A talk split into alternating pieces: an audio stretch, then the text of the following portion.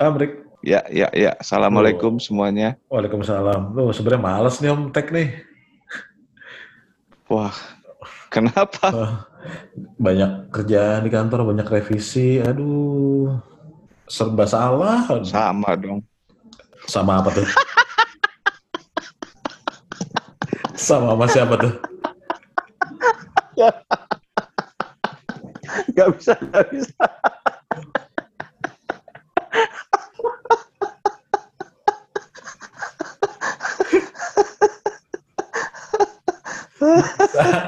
Bisa. Gak bisa, gak bisa.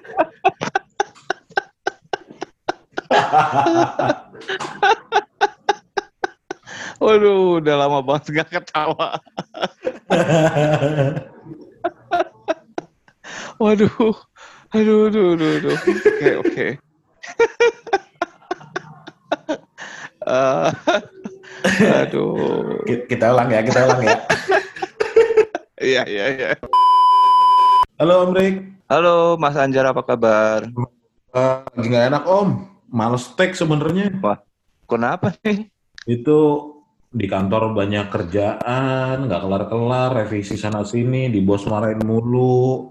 Serba salah rasanya. Wah, sama dong. Sama Om Rik? Bukan, sama Juve.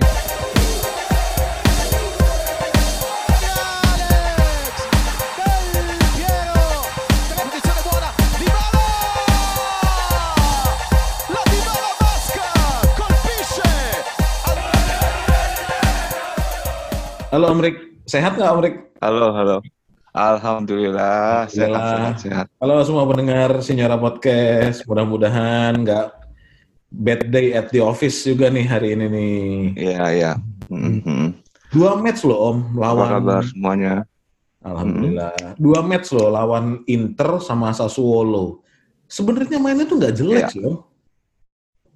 Iya, betul. Menurut gue mainnya bagus loh. Betul. Tapi tapi apa yang bikin yang bikin Juve itu nggak menang tuh apa tuh Om? Karena Juve. Jadi oh, begini, um, kalau kita mau point finger, nggak uh-huh. ada satupun yang bisa disalahkan sebetulnya. Hmm. Sistem Allegri, ya memang ini, begini sistemnya dia, bermain sangat lamban hmm. sebelum menyusun serangan, sehingga depan, tiga orang di depan ini hmm. terisolir. Serangan hmm. itu lama nyampe ke depannya, utak atik di tengah. Yeah, yeah. Sehingga ya wajar kalau misalnya Morata tidak bisa mencetak banyak gol, wajar kalau Kiesa sekarang jadi ya dibandingin sama musimnya Pirlo kan jauh gitu loh. Karena apa? Karena memang sistem permainannya Allegri, mekanisme permainan Allegri, mentalitas defensif yang hmm. memang sudah lekat pada tim ini sehingga orang-orang kayak Kiesa yang harus diberikan kebebasan itu Kiesa hmm. untuk maju, untuk serang, untuk gocek kanan kiri. Tujuannya apa? Bukan bukan bukan untuk show off, hmm. tapi menarik para pemain lawan untuk mengurumuni dia sehingga pertahanan terbuka, dia oper. Hmm. Ronaldo waktu kemarin atau bisa ke siapa saja sehingga gol itu bisa lebih banyak, serangan itu lebih variasi. Kalau sekarang dia gocek tiga kali aja udah dibentak sama Allegri kan. Allegri sendiri hmm. ngomong terlalu hmm. banyak gocek. Sehingga apa? Walaupun dia main di sayap sudah dipindahkan lagi ke tempat asalnya uh, yang yang favoritnya si Kiesa, tapi dia nggak bisa kayak dulu. Dia gocek sedikit oper, sedikit oper. Karena apa? Untuk menjaga pertahanan di belakangnya. Hmm. Sehingga memang positifnya sistemnya Allegri ini kita tidak mungkin ya uh, untuk merasakan kehancuran seperti United. Hmm. Malah mungkin Pirlo bisa merasakan kehancuran seperti United. Kalau misalnya kita bicara apes ya, yeah, yeah. sistem ini kalau ketemu apes, sistemnya Pirlo itu bisa kayak United. Kalau Juve tidak. Yeah, yeah, Tapi yeah. apa yang bisa terjadi? Sassuolo gol di babak terakhir, kecolongan gol gitu yeah. Tapi nggak pernah gede, cuman kecolongan. Iya, yeah, iya. Yeah. Apa yang su sulit dari sistem ini? Bukan menang sebetulnya, bukan mempertahankan keunggulan sebenarnya. Tapi bagaimana caranya mengejar keunggulan, uh, mengejar keter ketertinggalan itu hmm. yang susah. Karena apa? Serangannya lamban dia. Dia terus-menerus nyusun di belakang, nyusun di tengah supaya rapih di belakangnya sehingga kalau counter itu sulit lawan. Hmm. Tapi resikonya penyusunan serangan di depan sangat sedikit variasinya. Hmm. Morata tarik. Betul, betul. Yang sayang Kayo Kayo uh, okay. Jorge gitu. Apa dia sebetulnya masih terlalu muda, terlalu apa istilahnya kayaknya sulit kalau langsung dikasih kepercayaan untuk memenangi pertandingan gitu. Jadi ya sayang sebetulnya. Cuman ya ya apa kita nggak tahu pertimbangan Allegri seperti apa. Jadi uh, Allegri di sini nggak bisa disalahkan karena memang dia adanya begitu. Hmm. Dia adanya begitu. Manajemen manajemen ya gimana? Memang dia untuk meyakinkan uh, para investor, para pemegang sahamnya untuk tidak cabut ya karena memang uh, apa Pirlo itu kan kemarin dianggap tanda kutip gagal. Yeah. Kemudian dia juga pengen menurunkan gaji ya Ronaldo ya makanya didatengin Allegri. Akhirnya Ronaldo pergi. Jadi ya memang dia intensinya kan untuk bisnis. Jadi dia melakukan ini ya nggak bisa disalahin juga. Pemain hmm. ya gimana mau disalahin? Memang sistemnya meminta mereka untuk bertahan rapat kok. Yeah, Jadi yeah. susah sekarang kalau misalnya mau menyalahkan karena emang ini yang yang we deserve this gitu loh Mas Anjar. Hmm. We deserve this. Hmm, gitu. Sebenarnya sih nggak nggak akhirnya nyalahin ya. Sebenarnya saya tuh ngerasa hmm. progres sih Om gitu. Pas lawan hmm. Inter ada progres buat ngejar ketertinggalan di babak kedua tuh bener-bener nyerang dan yeah. serangannya Juve lebih efektif daripada Inter gitu sebenarnya. Betul. Cuma pas lawan Sassuolo itu justru Sassuolo cuma punya dua shot on goal dan dua-duanya jadi gol. Yeah. Dan uniknya tuh dua-duanya yeah, yeah. di, di akhir pertandingan menit 44 sama 92 atau 94 itu yeah. malah. Berarti kan ini iya. konsentrasi yeah. pemain kalau dilawan Sassuolo gitu loh. Cuma yeah, ketika yeah. lawan Sassuolo kemarin saya tuh biasanya tuh Allegri itu membiarkan lawan memegang bola supaya uh. garis pertahanan mereka naik jauh. Nah itulah yeah. akhirnya Morata atau Kiesa bisa penetrasi ke depan gitu. Nah ini kan nggak ada iya. peluang yeah. itu kemarin yeah. akhirnya deadlock. Ya satu-satunya peluang-peluang yeah. bagus ya cuma dari Dybala gitu. Betul. Tapi, um, gini, kalau aku ngelihatnya kemarin tuh apes memang. Hmm. Jadi kita udah bagus kok mainnya. Di babak pertama tuh aku puas kok sebetulnya. Itulah oh, Juve, iya. itulah bagusnya. Ketika sistem Allegri sudah berjalan, bagusnya itu yang seperti di babak pertama hmm. pada saat melawan Sassuolo. Iya, iya. Tapi kalau bad day at the office, kita kadang-kadang walaupun sudah sebagus apa pun, kalau apes ya apes saja. Bola nggak masuk, bola kerebut lawan, apes mah apes aja gitu. Karena kan gol itu kan pasti ada selalu unsur keberuntungan Nah, kita kemarin unsur keberuntungan tidak ada. Nah, bagaimana caranya supaya kita menga bisa mengatasi ketidakberuntungan ini? Di double itu yang namanya effort. Nah, kemarin effort itu kurang di double. Hmm. Effort itu kurang di double. Maksudnya apa? Kayak misalnya perubahan 4-3-3 ke 4-2-3-1. Yeah. Arthur masuk, uh, kemudian ada uh, si Danilo keluar, Kulusevski masuk di sisi, sisi kanan, si hmm. Cuadrado mundur ke belakang, si Danilo, Yeah. Tapi tidak cukup karena apa? Mentalitas kita yang sudah kadung terlalu uh, lambat menyusun serangan, terlalu takut untuk mengisi lini depan gitu loh. Hmm. Nah akhirnya ketika mereka mengisi lini depan sudah keburu capek. Dari dua kesempatan terakhir menit-menit terakhir kan dua kali kerebut bola. Cuadrado tuh aduh ya kan kita kan golnya yang terakhir itu gara-gara Cuadrado kerebut bola kan. Tiba-tiba kerebut umpan kanan langsung ke depan udah bobol. Atau kayak Sandro, sebelum Cuadrado kan Sandro. Iya. Mereka udah kelelahan, sudah kecapean gitu loh. Benar ya. Gitu. Hmm. Gitu. Jadi memang kemarin memang apes, memang apes. Salahnya kita tidak bisa mendobel effort kita karena ya memang mentalitasnya memang dituntut untuk main rapi, main rapat gitu sehingga memang susah. Jadi tapi balik lagi ini resiko yang harus kita tanggung dengan sistem seperti ini. Mungkin akan diketemukan lagi keapesan seperti ini gitu loh. Tapi kalau kita beruntung ya kayak misalnya lawan Inter tuh kita bisa menang. Lawan Chelsea kita bisa menang. Jadi itu positifnya sistemnya Allegri gitu. Ugly win lah, tapi gue tuh udah berdamai om sama ya yeah. satu nol satu nol lah gitu. Uh, yeah, yeah. Dalam 10 pertandingan ini cuman uh, bisa masukin 14 kebobolan 13 tuh aneh sih. Gitu.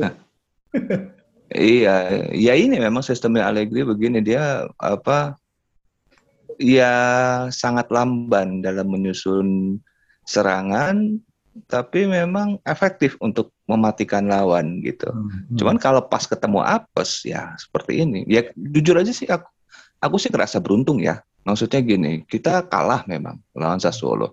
Ini menurutku, menurutku kalau kita apes sejelek-jeleknya ya kayak lawan Sassuolo ini. Hmm. Insya Allah nggak kayak lawan United. Kalau United itu kita lihat aja dalam dalam pertandingan. Dalam highlight setiap gol aja. Itu berantakan itu empat back belakang. Berantakan empat empatnya berantakan. Waduh berantakan. Tengahnya juga nggak ikut turun. Luxio itu ya ampun. Kok bisa bisanya dia nggak bisa ngejar nggak bisa nutup ini Muhammad Salah gitu. Jadi berantakan karena apa mereka fokus untuk nyerang iya, iya. fokus iya. untuk nyerang fokus untuk memenuhi keinginan Ronaldo yang selalu ingin diservis positifnya ya dia bisa menang gede Negatifnya, begitu ketemu lawan yang punya kualitas jauh lebih bagus, berantakan. Gitu. Kebobolan kalau kita pakai double pivot itu 2 DM, tapi tetap Iya, 2 DM. Juga. Dia 2 DM-nya itu mm-hmm. mirip kayak Pirlo.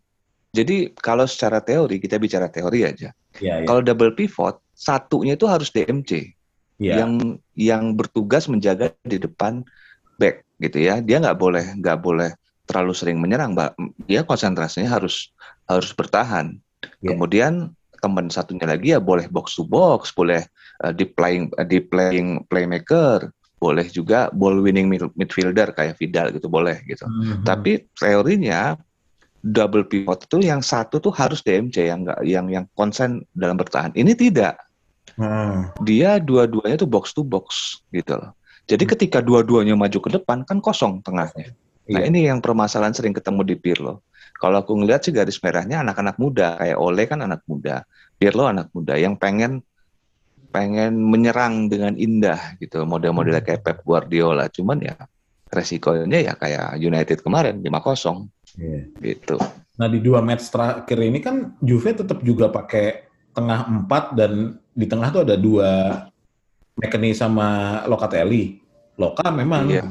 kan di depan garis pertahanan. Iya. Sementara iya. box to box. Cukup puas nggak sama performanya McKennie? Aduh enggak, enggak. McKennie gini, kenapa McKennie bisa dicintai?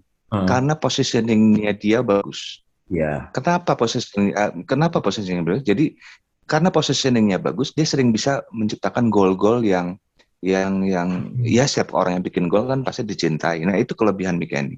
Tapi selebihnya dia jack of, jack of all trades, master of none, hmm. bisa segala-galanya. Tapi tidak ada yang spesialis.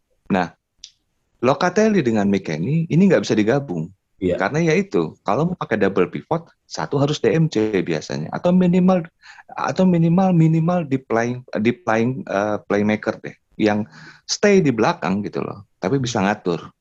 Hmm. Locatelli bisa gitu. Tapi kalau temennya Mikeni, um, ya dia bagus, tapi nggak gimana-gimana.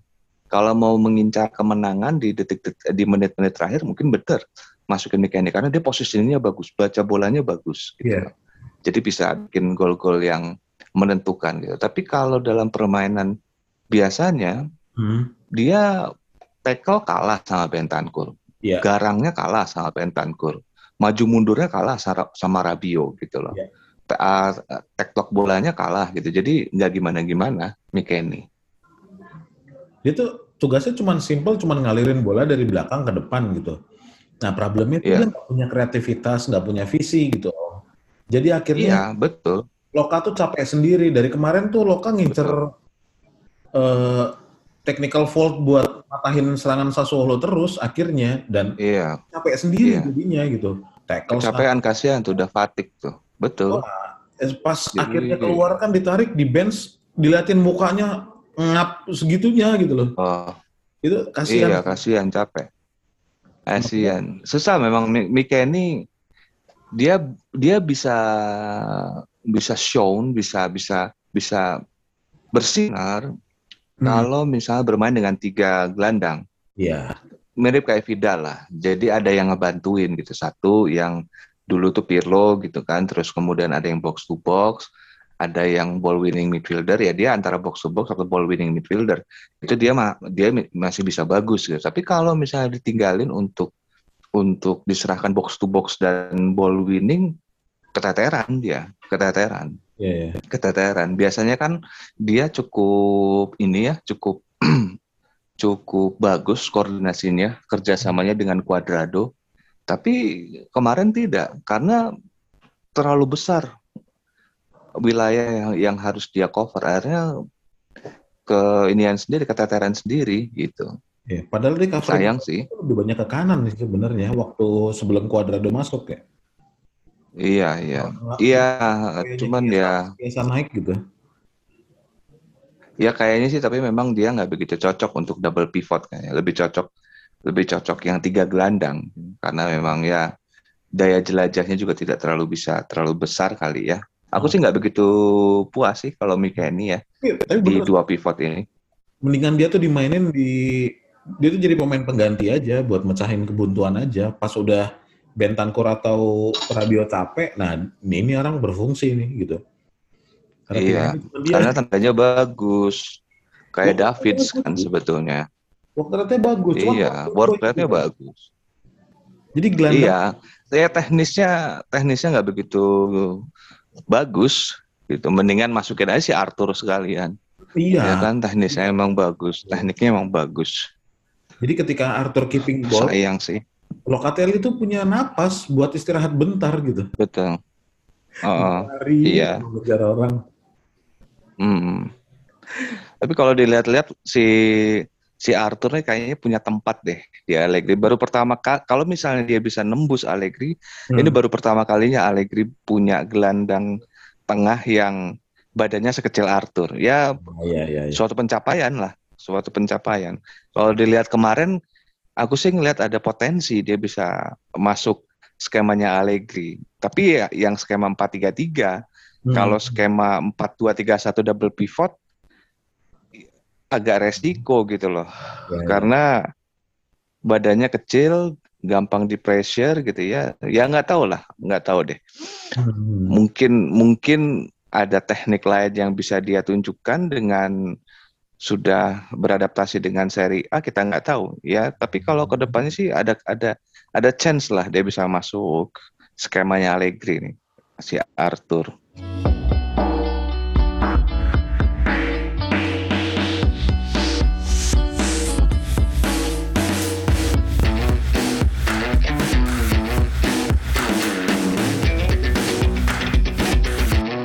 minggu ini Juve bakal ketemu Verona yang habis bantai Lazio.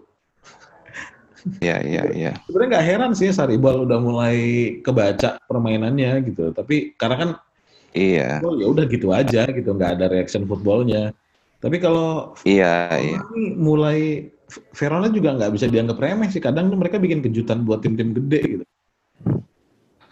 Om yang uh, bikin Om bakalan yakin nanti Juve bisa ngatasin Verona sebelum lawan Zenit di Champions League? Mereka mengandalkan counter yang cepat. Pemain-pemain mereka cukup cepat. Justru di situ kelebihan kita dengan kita memancing mereka untuk counter asal pertahanan kita bagus dan selama ini kan memang kita punya mentalitas dan sistem permainan yang yang mengandalkan pertahanan kan. Hmm. Begitu bola kerebut, oper ke depan jebol.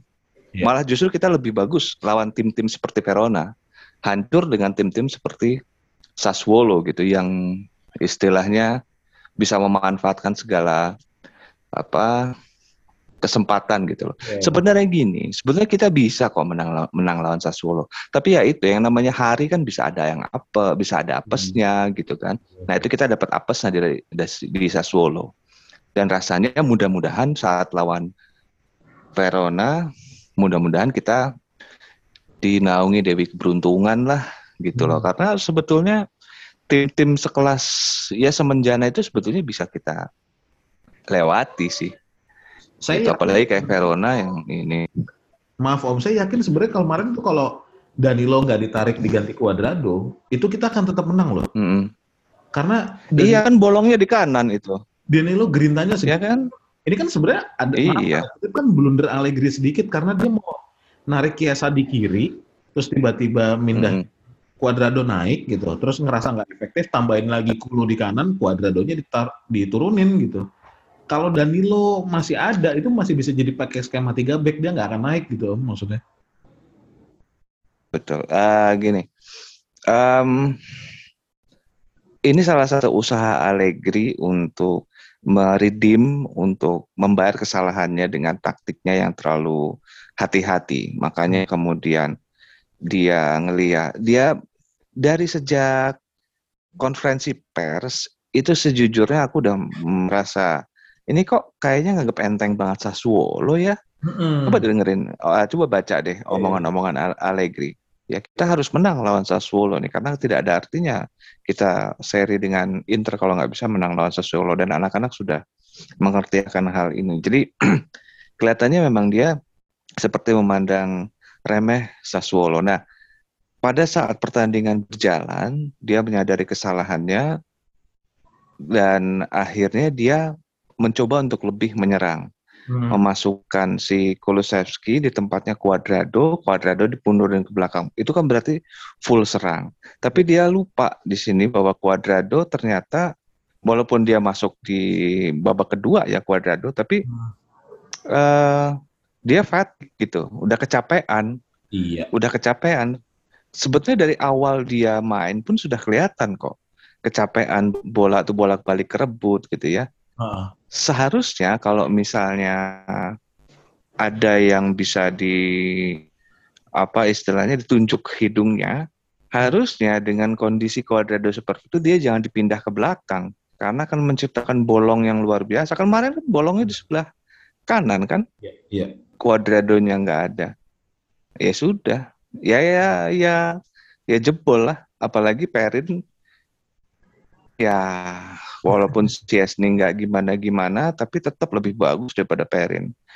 Perin nggak ngasih tahu Cuadrado untuk, ya itu kan harus koordinasi antara kiper dengan back kanannya gitu. Jadi ya, ya sudah berantakan gitu. Kita kebobolan tuh kaget sekali. Itu lebih karena lebih karena kita udah kecapean sih di akhir-akhir itu. Hmm. Nyesek juga kan. Nah, terus sayang banget lah. Skema apa nanti yang bisa dipakai buat lawan Verona? Kalau skema sih tetap kelihatannya tetap pakai 4-2-3-1 untuk saat ini. Walaupun dalam beberapa kesempatan aku ngelihat sama kayak dulu zaman-zaman dia pertama kali pegang Juve dari Conte. Skema Conte dipakai dulu sama dia tapi pelan-pelan dipindahin ke 4-2 eh dipindahin ke 4-3-3 formasi andalannya dia gitu. Sama kayak sekarang juga.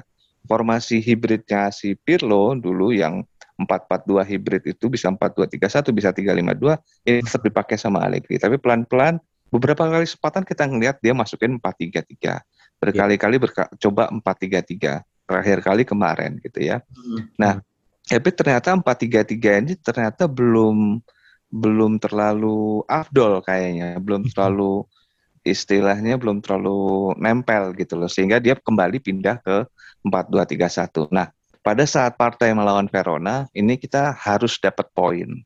Yeah. Nah, pertimbangannya apakah tetap pakai 4-2-3-1 atau 4-3-3? Kalau menurut aku tergantung Arthur.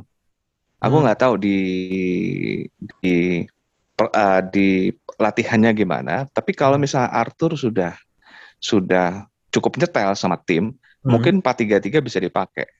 Yeah. Tapi selama belum bisa nyetel dengan tim, mungkin 4-2-3-1. Karena kalau Arthur dimasukin double pivot, kan kita badannya kecil banget, gampang yeah. sekali ke pressure gitu. Takutnya malah jadi bumerang buat kita. Uh.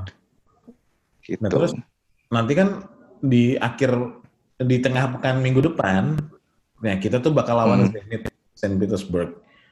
Um, yeah. Kemenangan ini tuh bakal ngunci Juve jadi udah pasti lolos lah kalau kalau ini menang atau dapat yeah. satu itu udah pasti lolos gitu.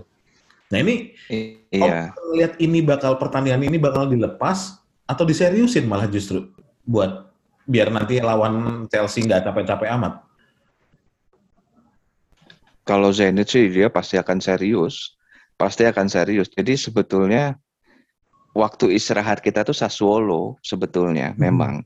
Yeah, Jadi yeah. waktu istirahat kita itu pada saat Sassuolo gitu, tapi ternyata malah apes.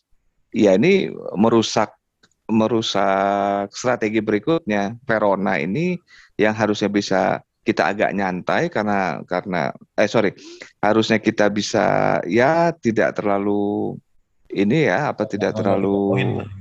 ngotot-ngotot amat gitu ya. hmm. ya ternyata sekarang harus ngotot gitu loh karena udah terlalu banyak poin yang hilang iya. gitu ya, karena Zenit ini target kita harus lolos jadi pasti akan habis-habisan iya. lawan Zenit gitu daripada kita apa berjudi lawan Chelsea di kandang Chelsea ya pasti Zenit ini pasti akan habis-habisan kita. Pasti habis-habisan. Cuman ya itu masalahnya. Harusnya sih kita bisa nyantai itu di Sassuolo gitu loh. Hmm. Sehingga nanti pas lawan Verona kita kita ya senggangannya dengan poin udah lebih banyak kita bisa lebih nafas lah gitu ya. Hmm. Dengan mengistirahatkan beberapa pemain gitu. Tapi ternyata sekarang kayak begini ya berantakan ini pasti Verona juga pasti habis-habisan juga nih kayaknya nih. Iya iya iya. iya. Karena Verona kebanyakan yang hilang poinnya. Verona pasti Kenapa? Verona kan ada di papan tengah juga gitu. Maksudnya dia cuma iya. ada dia di peringkat 10 di bawah Sassuolo, poinnya hmm. 12. Maksudnya iya. Kalaupun Verona bisa menang besok lawan Juve itu poinnya sama sama Juve justru. Itu lucu. Iya. Terus Iya, padahal dulu hmm. uh, kenapa? Tapi kan terakhir iya, apa lawan Malmo tuh. Itu kan juga sebenarnya bisa agak sedikit tanda kutip leyeh-leyeh gitu kan. Iya, tapi terlalu beresiko kalau misalnya kita menunggu sampai pertandingan terakhir. Ini kan kita bicara kita bicara apa istilahnya um, suasana locker room, hmm. suasana hati. Kalau misalnya terlalu drop nanti susah naiknya gitu loh. Belum belum lagi dengan UV itu kan sekarang udah jadi istilahnya jadi TBK ya kan. Jadi setiap pertandingan itu pasti disorot oleh oleh pasar sehingga kalau misalnya kita permainannya ternyata harus menunggu Malmo sampai di partai terakhir, manajemen juga pasti teriak-teriak. Ini kita bangkrut nih gara-gara lu mainnya kayak begini. Jadi jadi pasti akan habis-habisan lah, pasti akan habis-habisan. Ini eh, pertimbangan Juve ini sekarang bukan udah udah jadi udah jadi ini bisnis ya, udah jadi entity bisnis gitu, bukan kayak dulu lagi gitu kita yang asik nonton Juve ya memang benar-benar sebuah tim bola gitu. Kalau sekarang udah jadi entity bisnis sehingga banyak sekali pertimbangan-pertimbangan yang harus kita yang harus si tim ini yang Allegri ini untuk pertimbangkan gitu loh. Nggak boleh juga main terlalu monoton karena nanti pemegang saham bakal pergi ya kasihan lah sebetulnya Allegri ini. Makanya kenapa aku bilang dia pahlawan untuk sekelas dia masih tetap setia pengen di Juve padahal ada tawaran dari Madrid segala macam. Mm -hmm. Ini orang kelihatannya emang Juventini kelihatannya. Cuman dia nggak mau ngomong aja. Ini orang bagus kok. Ini orang bagus ya Allegri. Cuma wala walaupun memang sistem permainannya aku nggak suka ya, tapi aku respect banget sama si Allegri. Ya ya ya, benar-benar. Gitu. Ya, ya moga bisa segera diobati lah biar biar nggak di tengah-tengah banget iya. lah masih di peringkat tujuh soalnya juga kan iya iya iya hmm. Yang sangat disayangkan Ronaldo memang keluarnya itu mepet banget kita udah ya mau rata ya gimana kita gini sistem Allegri ini karena memang sistem dia itu mengandalkan mengandalkan pertahanan yang kuat hmm. sehingga di depan ini harus bagus banget gitu. Hmm. Orang-orang yang mampu menciptakan peluang sendiri, bikin gol sendiri gitu. Yeah. Nah ini kan kita tidak ada sekarang. Kiesa dia belum bisa begitu padu dengan sistemnya Allegri. Hmm. Dybala bolak-balik cedera. Morata ya kita tahu sendiri Morata mentalitasnya seperti apa. Kan dia memang memang naik turun kan ininya hmm. uh, PD-nya gitu loh. Jadi kita tidak bisa mengandalkan dia untuk mengobrak-abrik pertahanan lawan. Kalau dulu kan ada Higuain. Iya, iya, iya. Dybala juga ini lagi fit-fitnya. Bisa kita ngejebret depannya. Ada Mandzukic yang yang bisa membongkar pertahanan lawan dengan apa badannya yang besar itu. Jadi yeah. bisa. Kalau sekarang kita lemah gitu. Jadi susah lini depan kita kata kasarnya lemah gitu loh. Nggak ideal Kiesa ya? segitu bagus, nggak ideal. Kiesa segitu bagus yang musim lalu melempem sekarang karena hmm. ya dia belum bisa beradaptasi dengan sistemnya Allegri. Kasihan Kiesa. Aku sih, aduh ya jangan sampai ya. Tapi kalau misalnya dia ngerasa nggak betah itu wajar. Dia nggak bisa mengeluarkan potensi terbaiknya gitu loh. Kalau sayang juga. Kalau anak Italia asli kayaknya nggak akan gitu sih om. Mereka kalau akan kayaknya enggak ya sampai akhir. Kalau hmm. saya lihat ya, kalau setiap dari ekspresi dia main, hmm. kesel itu dia nggak bisa iya. gol tuh besoknya tuh akan fight fight terus sih kayaknya. Iya, mudah-mudahan lah karena aduh ini anak ah, ini anak UV banget lah. Hmm. UV material banget lah. Gerintanya jalan. Ah bagus lah, bagus iya, iya. ininya iya. apa orang ah bagus Kiesa. Mudah-mudahan sih terus bisa maksimal ya. Ini tugas ini kewajiban Allegri untuk bisa bikin si Kiesa bisa minimal kayak musim lalu lah. Yeah. Minimal kayak musim lalu lah. Jangan terlalu dikekang sebetulnya. Kasih dia sedikit kebebasan gitu loh. Dengan dia dribbling kayak musim lalu, setidak-tidaknya pertahanan lawan akan kebongkar. Yeah. Kalau sekarang kan dia susah itu. Dribbling dikit aja udah diomelin sama Allegri. ya kan, ya serba salah gitu. Yeah. Siap, siap. Ya, gitulah Om. Saya lanjut kerja lagi ya, aja. Ya, gitulah. Waduh. Padahal lagi bete ya. Uh, uh. Ya udahlah. Nah, buat semua pendengar Sinyora yang emang suka kontennya Sinyora, yuk segera follow yang belum follow akun Instagram, akun Twitter, dan akun Spotify-nya Sinyora juga di follow supaya kalian nggak ketinggalan. Follow, follow. Gitu. Ya, biar iya. apa pun kalau ngomongin Juve ya tetap Juve. Betul. Makasih banyak ya buat ngobrol-ngobrol. Sama-sama Mas Anjar. Sama-sama, sama-sama. Ngobrol lagi nanti kita lihat lagi match uh, Verona sama Zenit lalu kita bahas buat di match Juve berikutnya. Siap, siap, siap, siap, siap. Let's talk Juve.